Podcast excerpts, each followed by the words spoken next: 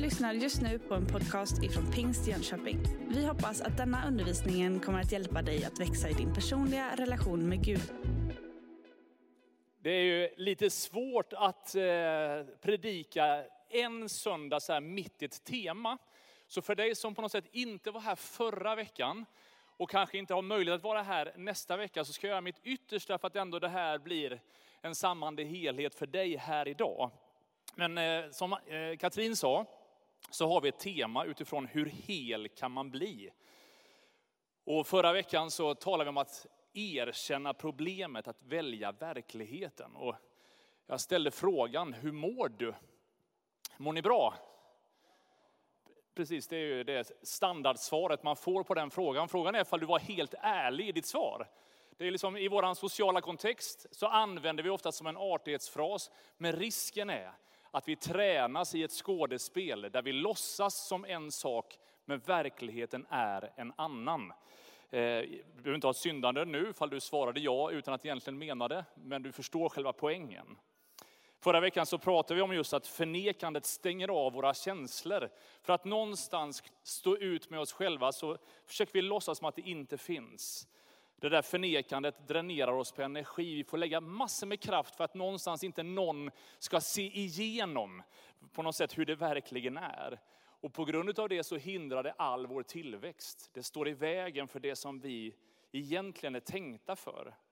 Det isolerar oss från Gud. Någonstans är vi lite konstiga som människor där vi försöker tro att han inte vet. Om vi på något sätt gömmer det tillräckligt väl så kanske vi någonstans kan ha honom lite grann på avstånd.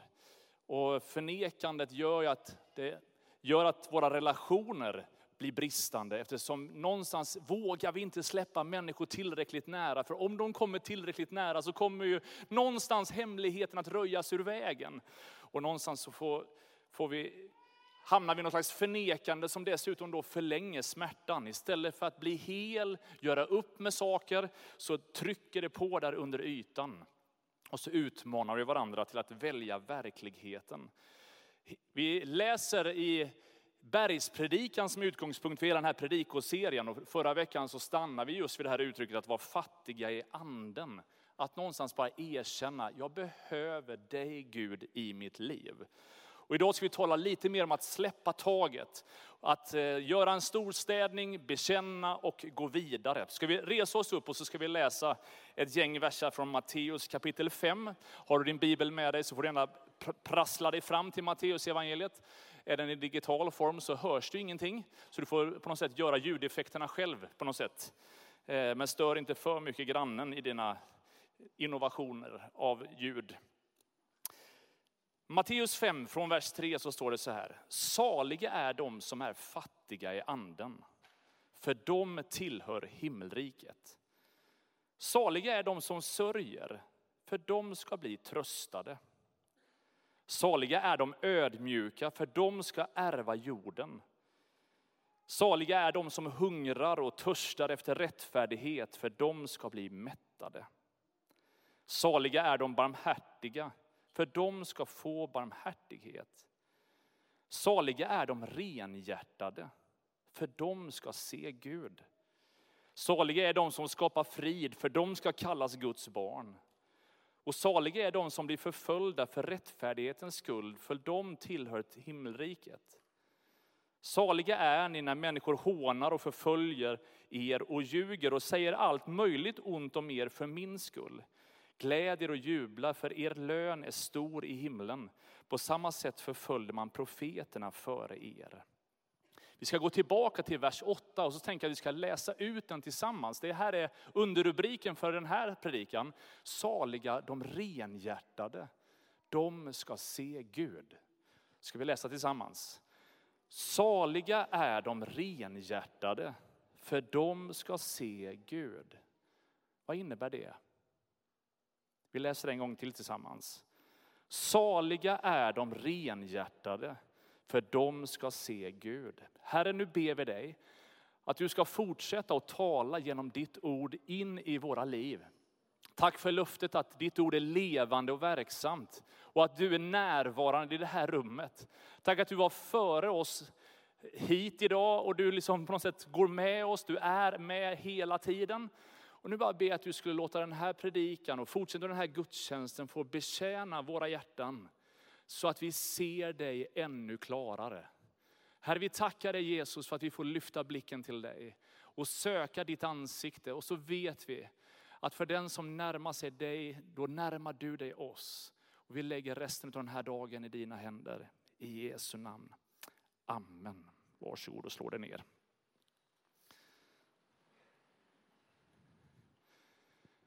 Alltså, man kan ju någonstans ändå tillåtas fundera på varför ska jag erkänna mina fel?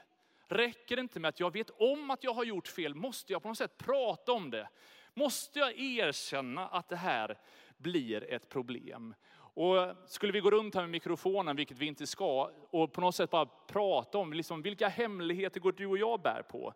Och nu tänker jag inte på vad du tänker överraska din bror eller din make eller någon annan med någon födelsedagspresent eller vad du tänker liksom laga för dessert till middagen en dag som denna. Utan de där lite mer problematiska hemligheterna, de där har vi ju alla. Problemet är att de där hemligheterna, de har ju faktiskt ett pris. Och den där priset det innebär en förlust utav självrespekt. Det går åt en oändlig mängd energi och en viss bundenhet av det, det där, skapa det där beroendet, eller medberoendet i mitt liv. De där hemligheterna verkar ha en prislapp, även om jag inte vill låtsas om dem. Det gör någonting med mig, utan att jag kanske alltid riktigt förstår det fullt ut. Jag och min fru vi firade 25 år i bröllopsdagen och jag har sagt det jättemånga gånger den här eh, veckan så att det är ingen som undgår att vi har varit gifta 25 år. Eh, det innebär att vi är liksom äldre, vi har varit gifta längre än vad en del är gamla. Men eh, då var vi nu fredag, lördag på Omberg. Det är ju en väldigt lång resa. Det, men då hade vi bokat in oss på det där pensionatet och fick ett sånt här vandringspaket. Och så gick vi en strapatsrik promenad Eh, hela, fredag, hela fredagen. Och ingen av oss hade riktigt koll på exakt vad den där vandringen skulle innehålla. Och den blandade ju verkligen liksom den magnifika utsikten, vackra bokskogarna med otroligt konstiga passager där man fick kämpa friskt för att ta sig fram. Och någonstans så var det något slags signifikativt för ett äktenskap. Det har sina härliga stunder, det har sina mer besvärliga stunder. Livet kan ibland vara mer utmanande än man kanske förväntade sig. Och vid ett av de här tillfällena så gick vi genom stora jätteraviner. Jag har faktiskt aldrig sett sådana riktigt på det sättet i liksom ett landskap som eh, är så, ena stunden bokskog och väldigt naturlig skog och sen kommer de här jätteravinerna.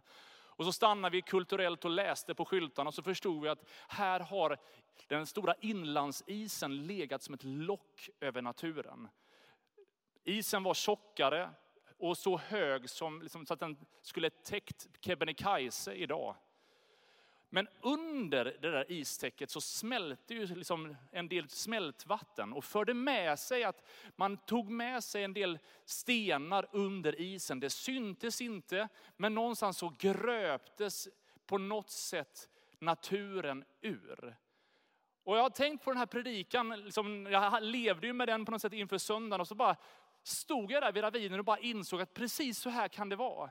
Så länge isen täcker så är det ingen som vet hur mitt liv gröps ur på insidan. Hur jag på något sätt äts upp där under. Ut på utsidan så är det ingen som kan se det.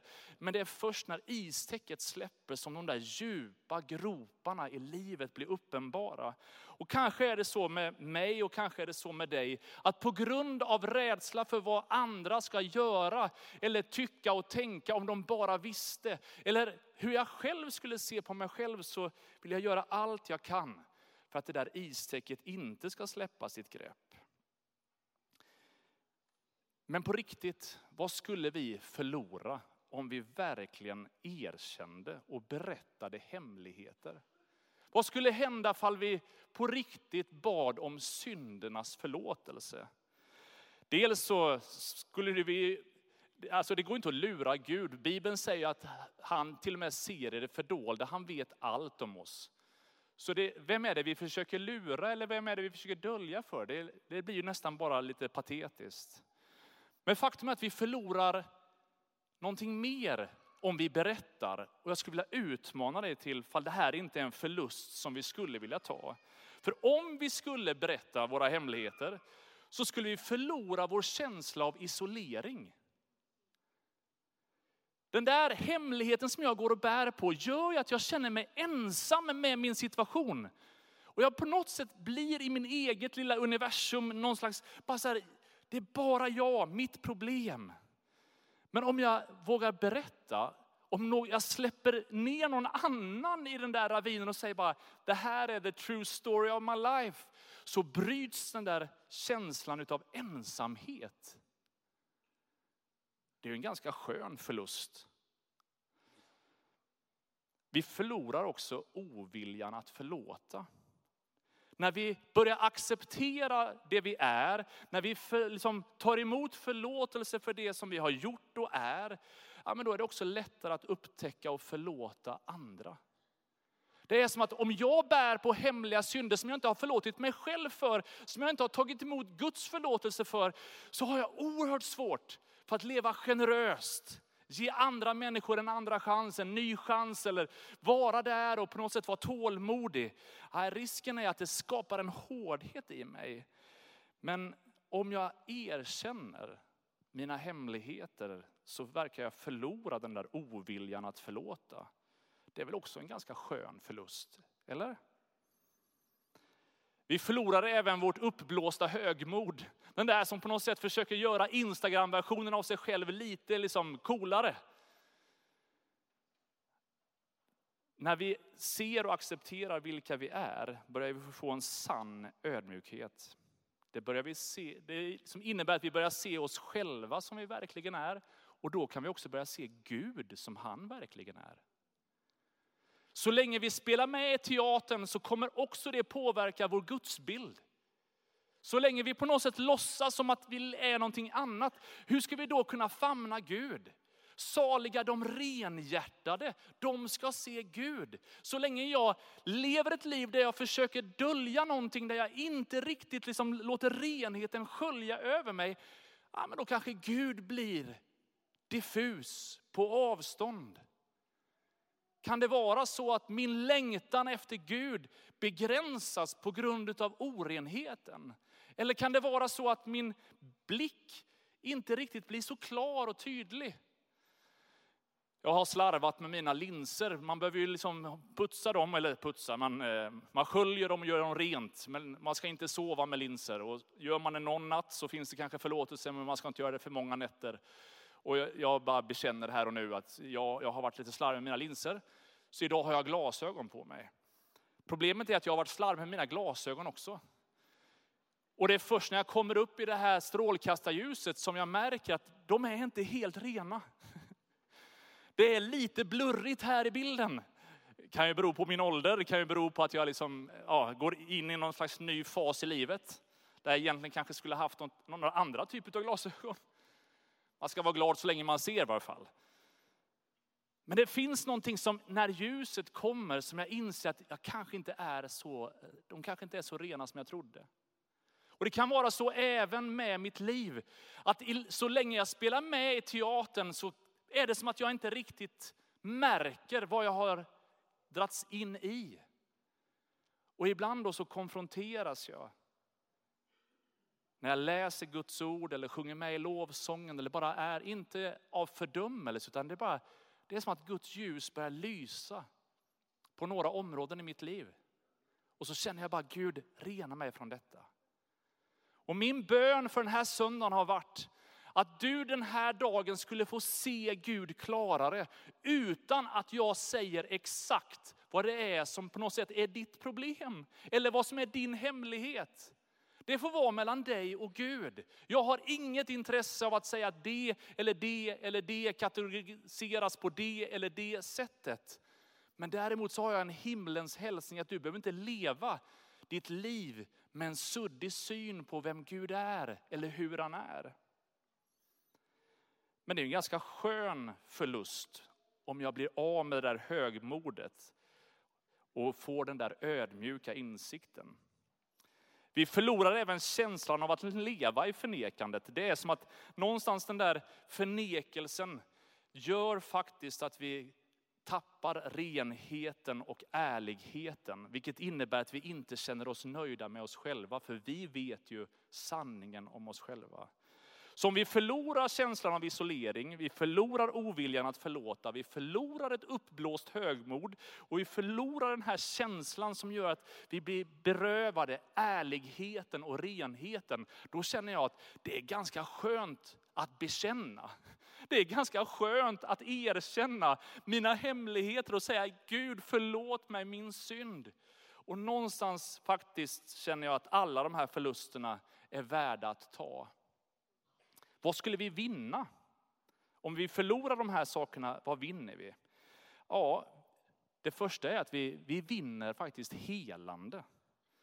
Jakobsbrevet säger så här, bekänn därför era synder för varandra och be för varandra så att ni blir helade. Den rättfärdiges bön har stor kraft och verkan. Det här är ett märkligt bibelord. Lägg märke till formuleringarna om att hur vi får det här helandet. Det verkar som att våran bekännelse inför en annan människa påverkar vårat helande. Blanda inte ihop ordet helande med förlåtelse. Gud kan förlåta dig omedelbart. Han kan göra någonting som ingen annan kan, rakt in i ditt liv.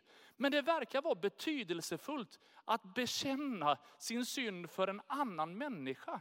Och genom det faktiskt påbörja en helande process i sitt liv. Det verkar som att det finns en kraft i att någonstans faktiskt tala ut saker i förtroende till någon annan. En helande process börjar när jag avslöjar lögnen över mitt liv. Och en annan människas röst, ett annan människas öra kan vara oerhört kraftfull i det helandet. Du kan vara bunden av skuld. Du kan straffa dig själv som en följd av svek eller misslyckande. Det skedde någonting i ditt liv för länge sedan och så blir du instängd fast i din egen skuld. Du tror inte att det finns någon som är lika eländig som du. Det är ingen som, är, som, om, det är ingen som skulle älska dig om de visste ditt verkliga jag. Åh, vad jag skulle önska att du kunde förstå att det finns helande i att bli känd att bekänna. Att du kan få bli av med det som plågar dig i ditt inre. Du kan få vinna ett helande om man får använda den metaforen. Men vi vinner inte bara ett helande utan vi får också en frihet som övergår allt. När våra hemligheter kedjar fast oss, håller oss kvar och bundna, som gör oss frusna och oförmögna att leva livet som det är tänkt. Så på något sätt förlorar de där banden sin kraft när vi har satt ord på dem. När vi har sagt, detta är mitt problem, Gud jag behöver dig. Och att liksom bara acceptera det, bekänna det, så verkar det förlösa någonting över mitt liv. Psalm 107 säger så här att de ropade till Herren i sin nöd och han frälste dem ur deras svagheter. Han förde dem ut ur mörker och dödsskugga och slet sönder deras bojor. Obekänd synd kommer kunna leda till en infektion. Och kung David i gamla testamentet, han levde med ouppklarade hemligheter, ouppklarad synd i sitt liv. Och så talar han ut i psalm 32 så här. Så länge jag teg förtvinade mina ben och jag stönade dagen lång. Dag och natt var din hand tung över mig, min kraft rann bort som i sommarens torka. Då erkände jag min synd för dig och dolde inte min skuld. Jag sa, jag vill bekänna mina brott för Herren. Då förlät du mig min syndaskuld. Lika väl som allt det här av hemligheter, av synder kan leda till bundenhet och sjukdom så kan öppenhet leda till helande. Om du vill ha rent vatten i kranen så behöver du vara ansluten till en ren källa. Se till att ditt liv får vara rent. Och det finns inte en enda synd som inte Gud kan bekänna. Men likväl så verkar det omöjligt för Gud att göra någonting med det som är medvetet undanhållet honom. När vi medvetet undanhåller saker från honom så får vi inte tag på den friheten som skulle kunna vara våran. Vi vinner helande, vi vinner frihet, vi vinner hjälp och stöd. När allt det här kommer upp till ytan av svårigheter så får jag liksom hjälp och stöd av varandra. Jag tycker det är fantastiskt vackert att när Gud säger att vi ska liksom vara hans lärjungar så är det inte bara en relation mellan oss och Gud. Utan han säger att ni ska vara som en kropp. Församling är tillsammans och att ni finns som stöd för varann. Att bedja för varann, hjälpa varann, stötta varann, välsigna varann. På olika sätt bidra för att göra livsvandringen på ett annorlunda sätt. Och jag skulle bara vilja utmana dig till att förstå kraften i att erkänna problemen, att någonstans säga som det är, att liksom förklara det, inte hålla någonting tillbaka, att berätta om det. Inte vitt och brett, men i förtroende och ta emot förbön och förlåtelse finns en sån befrielse i det. Jesaja han profeterar ut starkt i kapitel 52. Han säger skaka stoftet av dig. Res dig och ta din plats Jerusalem. Lös banden från din hals du fångna dotter Sion. Och när jag har bett för den här söndagen så jag har känt en sån här helig bön i mitt liv. Gud, låt oss som församling och kristna i den här tiden skaka stoftet av oss. Allt det där utav smuts och elände som försöker hålla oss tillbaka. Allt det där som äter sig in i själ och hjärta och begränsar vår frimodighet. Herre, låt det bara få släppa. Och det som ibland binder oss och håller fast oss, att det skulle få släppa sitt grepp över oss. Den där friheten utmanar i vår tid, där allting är lättillgängligt, där ingenting kommer med fördröjning, utan vi vill ha det här och nu direkt. Det är svårt att ibland begränsa sig för att berikas, som vi hörde på församlingsdagen helt nyligen. Jag skulle vilja utmana dig att faktiskt praktisera det här på ett väldigt enkelt sätt. Bibeln är väldigt tydlig med att om vi med vår mun bekänner och i vårt hjärta tror att Jesus Kristus är Herren, så ska vi få bli frälsta. Den där frälsningen, det där helandet, den där upprättelsen, det är inte svårare än så. Att få syndernas förlåtelse av Gud själv är inte långt borta, kräver ingen meritlista, ingen prestationslära liksom, som gör att gör du så här och så här och så här, då kommer du. Utan han älskar mer än vad vi någonsin kan älska honom. Och tack Gud för att vår frälsning inte består i, i våran kärlek till honom på det sättet, utan att han först älskat oss. Att han möter oss trots allt det där andra som vi har. Och någonstans att vi skulle få öka vår tillit och förtröstan på att han håller sin hand över oss. Och förstå att vi är helt beroende utav honom. I Romarbrevet så står det faktiskt så här i kapitel 3, vers 21. Men nu har det uppenbarats en rättfärdighet från Gud utan en, utan en lag. En som lagen och profeterna vittnar om en rättfärdighet från Gud genom tro på Jesus Kristus för alla som tror. Här finns ingen skillnad. Alla har syndat och saknar härligheten från Gud. Och de förklaras rättfärdiga som en gåva av hans nåd, därför att de är friköpta av Kristus Jesus.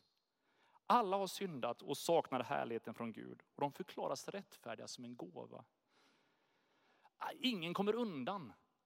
Men tänk om vi kunde förstå att livet med honom bara möter upp oss. Han älskar oss trots allt det här som är lite klurigt. Och jag skulle bara vilja helt kort ta dig med till Filipperbrevet. Om du har din bibel så ska du få chans att slå upp det. Så ska vi läsa ganska noga några verser från Filipperbrevet 3. Hur kan den här friheten bli vår? Hur kan vi släppa taget om de sakerna som så lätt besegrar oss? Det verkar som att välkända negativa barriärer, högmod, fruktan, skuld, skam, oro, tvivel. Allt det där inte är så lätt att någonstans övervinna. Jag vet inte hur du är, ifall du är en sån där som har lätt att göra dig av med saker. Är du sån som hamstrar? Eller är du en sån som, nej men det där, vi skickar det till second hand. Eller det där kan vi ge till dem, de verkar behöva det här bättre. Tänk vad många köksprodukter som man bara har och använder en gång. typ eller sådär.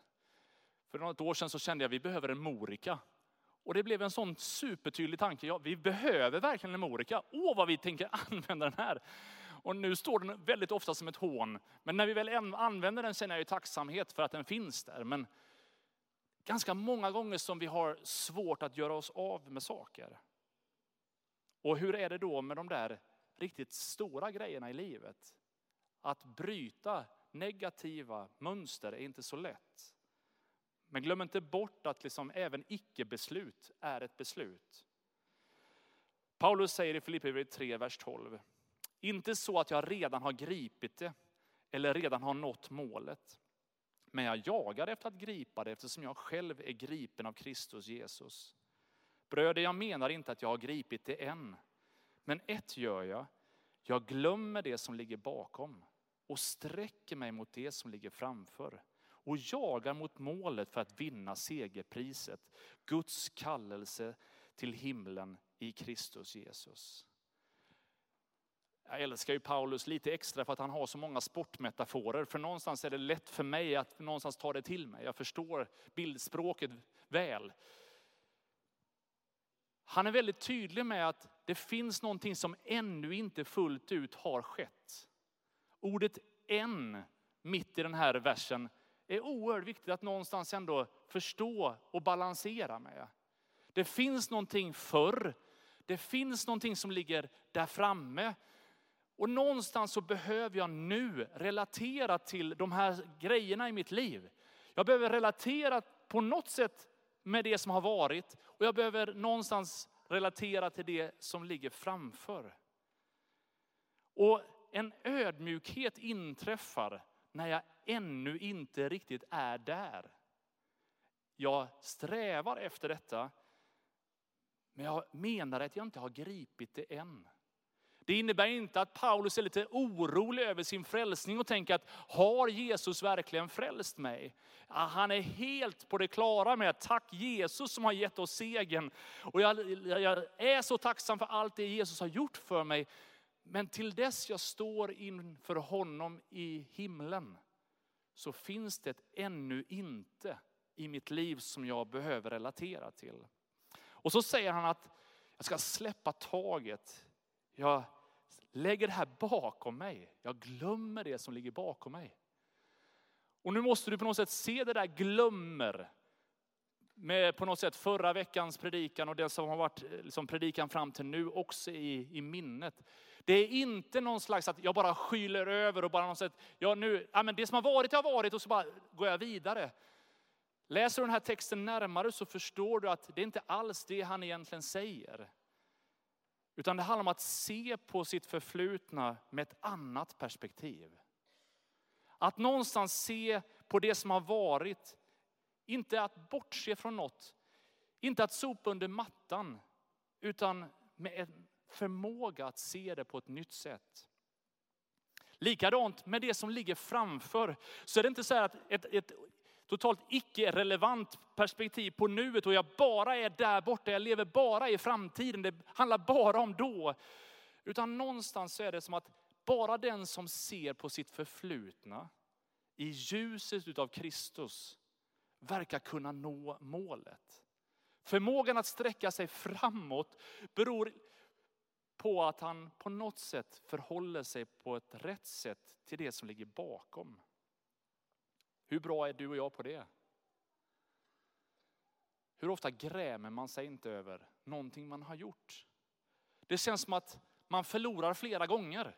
Dels förlorar man när man gjorde någonting som man inte riktigt var stolt över.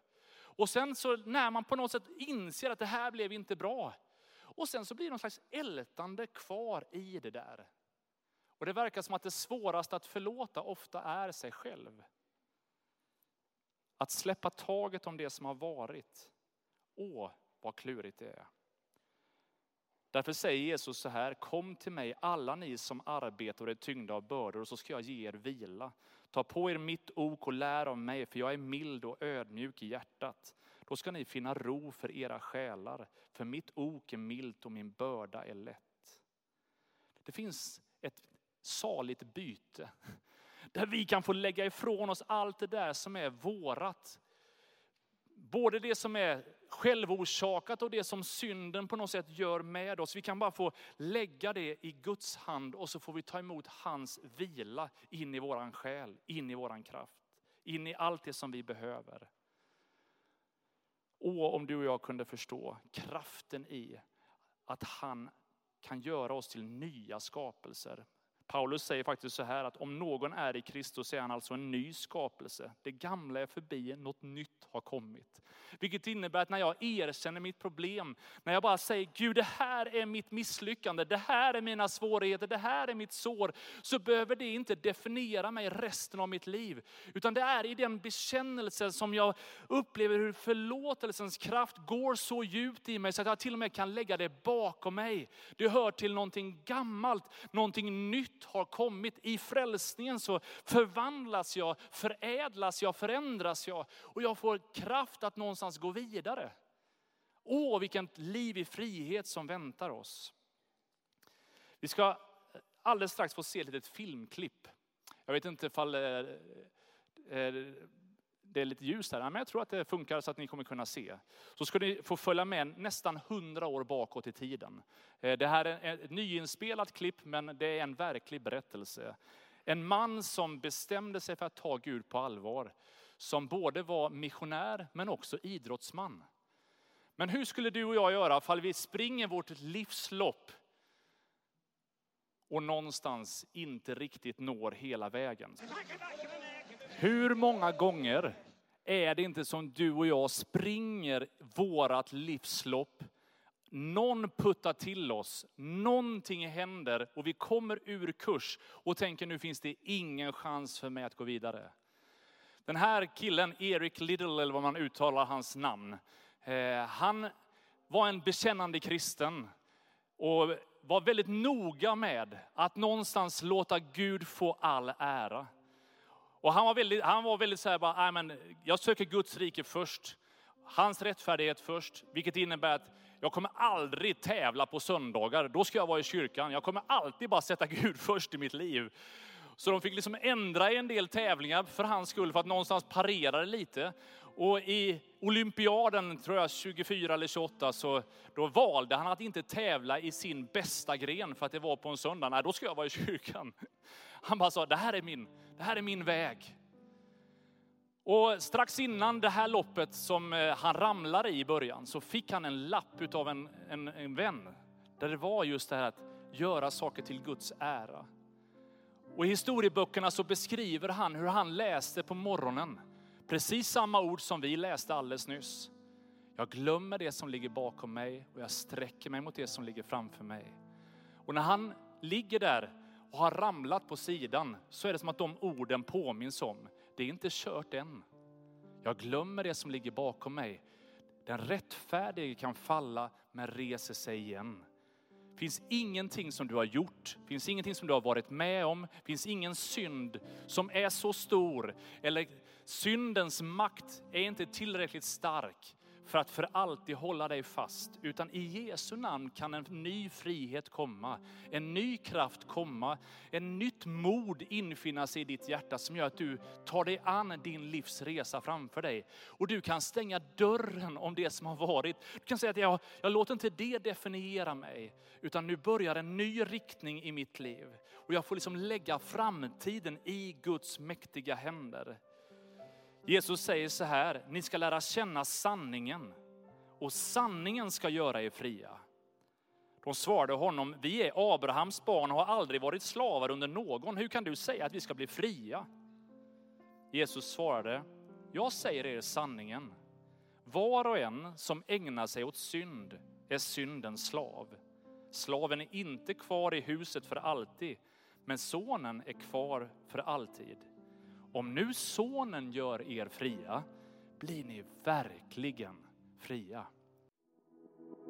Du har just lyssnat på en podcast ifrån Pingst Jönköping. För att få reda på mer om vilka vi är och vad som händer i vår kyrka så kan du gå in på pingstjonkoping.se eller följa oss på sociala medier via pingstjkpg.